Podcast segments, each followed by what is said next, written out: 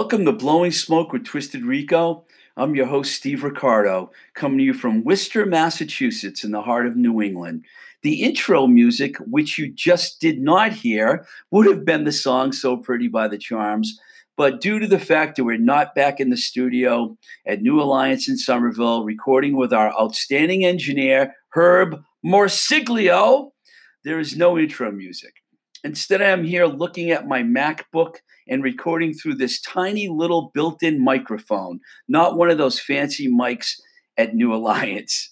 But I couldn't wait any longer to record episode 33. So here we are amidst a mind blowing virus which has crippled society as we know it and will probably cause us to forever think and do things differently.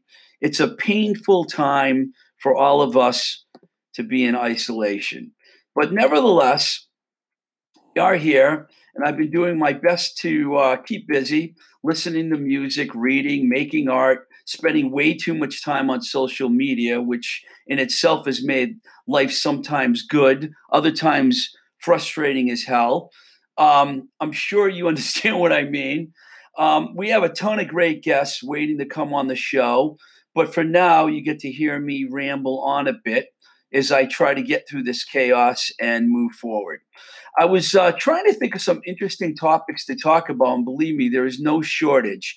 It's just been hard to get motivated, and I've been recovering from a strange illness myself, which I believed was COVID 19, even though I tested negative, and I wouldn't be questioning that result if the testers hadn't come out with the possibility that as many as 30% of these tests may be false negatives. I mean, I was sick for like three weeks. I had all the symptoms.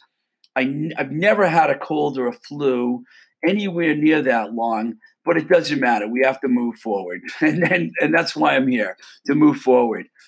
I get a lot of interesting requests from listeners uh, about different topics to talk about. And one that I've been asked before was how did I end up working for a major label in the 90s? Well, let me tell you, getting a job at A&M Records was not easy. I've always thought of myself as an independent label kind of guy. I mean, I worked at four different independent labels and eventually started another independent label called Red Car Records following my time at A&M and I did this while I was running my music management company. Um, how I ended up at A&M was pretty amazing, pretty interesting, I should say, and amazing. And before I tell you about that, I'll share some stories with you about some of the other interviews I had with majors that didn't amount to a job, but were nonetheless great experiences to say the least. Uh, the first interview I remember having uh, with a major was with um, Michael Alago. Yeah, the famous guy who has a documentary about his career on Netflix called Who the Fuck Is That Guy? Well, Michael is most well known for signing the heavy metal band Metallica, but worked with many other artists over the years. We first met when we worked when we first met when he worked for Elektra Records, and we always had a really nice, friendly relationship. Here's the funny thing about this interview. He left Elektra and he was involved with a new label in New York City, which not only do I remember the name of the label, can't remember it, I can't find anything about this mystery label online anywhere. So the only reason I'm, I'm, mentioning this is because I was able to sit down and talk with Michael Alago for about an hour about a possible gig that I can't recall if it was an A&R gig, a marketing gig, or whatever. In fact, uh, it might not even been a formal interview. I don't know. Nevertheless, uh, the next three interviews I'm going to talk to you about were actually they definitely were interviews um, with major labels that I do remember and know. Um, I also once interviewed with Combat Relativity and Barry Kobrin, who was the head of the company. But that didn't amount to anything because I knew I was going to be starting up a new label at the time at Dutch East India, which eventually became Giant Records. But since they approached me, I figured I would at least head over to Hollis, Queens and see what they were thinking it was definitely not a good fit for me, and um, I didn't end up taking the job. But it was still, nevertheless, an interesting interview. A few years later, after I moved back to California and I was working for Metal Blade Records, I my profile went up in Hollywood. I had a much higher profile than I ever did because Metal Blade was a very popular label. So we were always around town. And I would I got to know a lot of people at different labels. One of those guys was Bennett Kaufman at RCA Records. There was a point when everyone was looking at the, this band, the Nymphs, and wanted to sign them. And I happen to have a very good relationship with their singer, Inger Lorre. In fact, if I wasn't working at Metal Blade at the time, which was a metal label, even though we did sign the Goo Goo Dolls a little after that, I could have made headway um, with getting them a deal. In fact, I thought that it was a band that, you know, I had a really good relationship with them but um, I didn't have a label to sign them to. Uh, well, anyway, Bennett Bennett wanted to sign them also, and he was pursuing them heavily, like several other labels in time, town were at the time. But they eventually went to Geffen Records. Uh, he told me that he was looking to hire uh, an A&R person and asked me to come in for an interview. We had a great talk, and honestly, there, I thought there was a job there for me but we he ended up giving it to someone else at the label, and uh, it didn't happen. And I went on to work for Third Stone, Third Stone Music after I left Metal Blade, and I spent several years there. And when my gig ran out, I was once again a free agent, and my friends Mark Kates and Michelle Shore at Geffen Records got me an interview with Tom Zutaut and John Kalodner together, both in the same room. Now, if you don't know those guys, one of them, Zutaut, signed Motley Crue and Guns N' Roses, and the other one, Kalodner, signed Aerosmith and Whitesnake. Like this is a hardcore meeting. I'm meeting with two heavy A&R dudes. I'm talking heavy. We had a great talk. They seemed serious, but at the end of the meeting, they said something to me that kind of was a little mind blowing. And I knew that I wouldn't get the gig after they told me this. They said they would definitely give me a job if I could get them Fugazi and or Bad Religion. And I knew right then and there that was not going to happen. I didn't even try to get Fugazi. I knew there's no way that Ian MacKaye would ever sign a deal with a major label, and he never did. So I was like, and I didn't even think about going to try and get Bad Religion. I think they did end up signing a deal later with Atlantic, but it wasn't something I wanted to do. It didn't matter, you know, because they didn't even end up hiring anyone for the position, as far as I know. This is what it was like at the major labels in the 90s. You never knew what, what was going on. It was more like a courtesy interview for me. And I have to admit, it was pretty cool sitting in a room with these two guys talking music for an hour. So it was one of those things I'll never forget.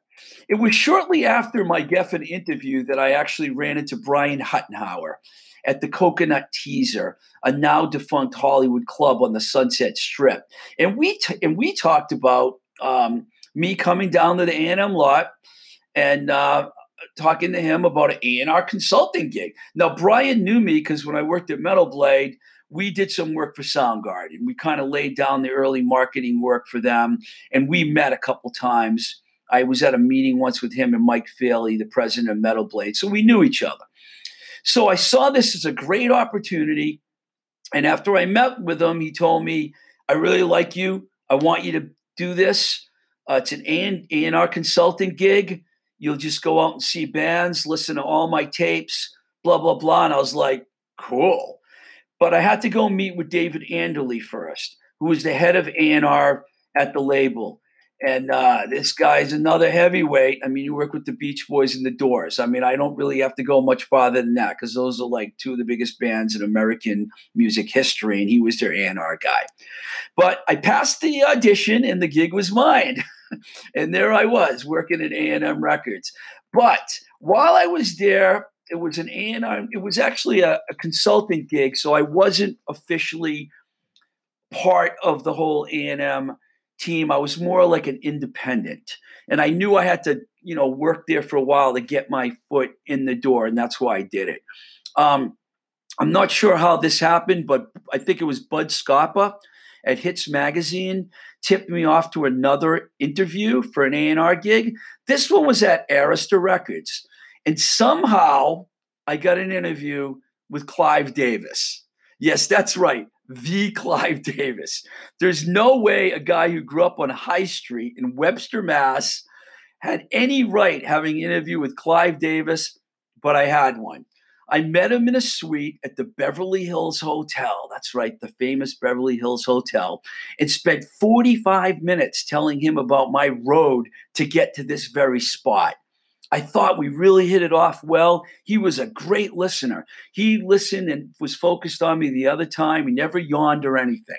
So I left thinking, holy shit, I'm going to get a job at Arista Records working for Clive Davis. He said, my assistant is going to call you in a few days. So we'll we'll get back to you in a few days. I was feeling really good. When she called a few days later, I was feeling even better, but here is when it all hit a snag. At this time, I was doing the A&R consulting gig in A&M, and I just started, but didn't really know where the gig was going. I didn't know if it was going to end up being full time or not. So I was like interviewing with Arista because you never know. Maybe I'll get a real A&R job. Before I could get this gig, I had to meet with Roy Lott, who was the VP of A&R at the label. I don't know why he hated me. But from the minute I walked in the door, I had no idea. He did not like me at all. Uh, he wanted someone else, is the only thing I could think. And he knew, he knew that. So it'd be easy for him to go back to Clive and say, I like this other guy who I believe – turned out to be Lonn Friend from Rip Magazine, because I'm pretty sure that's who got the gig. And I was pissed. And to this day, I can't stand that prick Roy Lott because it would have been pretty cool for me to be working at Arista Records with Clive Davis, but it didn't happen. So eventually, A&M moved me over to the marketing department because Brian had these bands, Damn the Machine and Paw, and there were other bands at the label like Therapy and Monster Magnet, and they didn't really have a metal marketing department, even though these bands weren't all metally metal bands. They kind of fell into that genre. So Brian set up a meeting for me, and I went over and met with Jill Glass and Jim Guillermo, and uh, ended up working for them for the next five or six years, which is a whole other episode. which I will definitely talk about in the future. Uh, and um, there you have it. How to get an interview and not get a job by Steve Ricardo. Anyone that thinks that, you know, you could just skyrocket in the music industry, it doesn't work out that way for everyone. It didn't work out that way for me. But I did end up working at a great label, A&M Records, for about seven years, and that was good enough for me. So um, that's going to about do it for now. I want to thank our sponsor, JLS Design. They do custom screen printing and embroidery. Great place for bands to get all their t-shirts, hats, hoodies, etc. Uh, you can reach them at jlsdesignprinting.com. Their email is jlsdesignsales at gmail.com. If you contact JLS and they tell and you tell them we sent you, you'll get a 10% discount. And if you let me know about that, I will personally also send you a special gift. I'm not kidding. I'll do it. And uh, they're a really cool company. They make our t shirts, our Blowing Smoke with Twisted Rico t shirts, which, if you follow me on Instagram at Twisted Rico, um, you'll see pictures. I often post photos of Nina and Mary and all these lovely ladies who send me photos of them wearing the shirts. I've only gotten a couple from guys. I'll post the guy photos too, but Joe Wisner from the Charms hasn't sent me a picture of himself wearing the shirt yet. I'm I'm waiting. He did show up though, actually, on the podcast. Now that I think of it, wearing the shirt. So we I did take a photo, but he was on the video. All right. So once again, my email is uh, twistedrico at gmail.com. You can find me at Instagram at, you, at, uh, at twistedrico. And you can also find us on YouTube, we've, where we've been getting a tremendous, fantastic response and uh, on the on the videos that we post of the show. Uh, please send me your comments, questions, etc. Check out our Patreon page, which is patreon.com forward slash twisted rico, which is a great way to support this podcast. This is blowing smoke with Twisted Rico. I'm your host, Steve Ricardo. And until the next time we say goodbye, yes, we love you, Billy Phillips. Busy Phillips. I made it through the whole pod- podcast without fumbling, but I had to fumble sooner or later. Anyways, uh, thank you for listening and keep the rock and roll alive.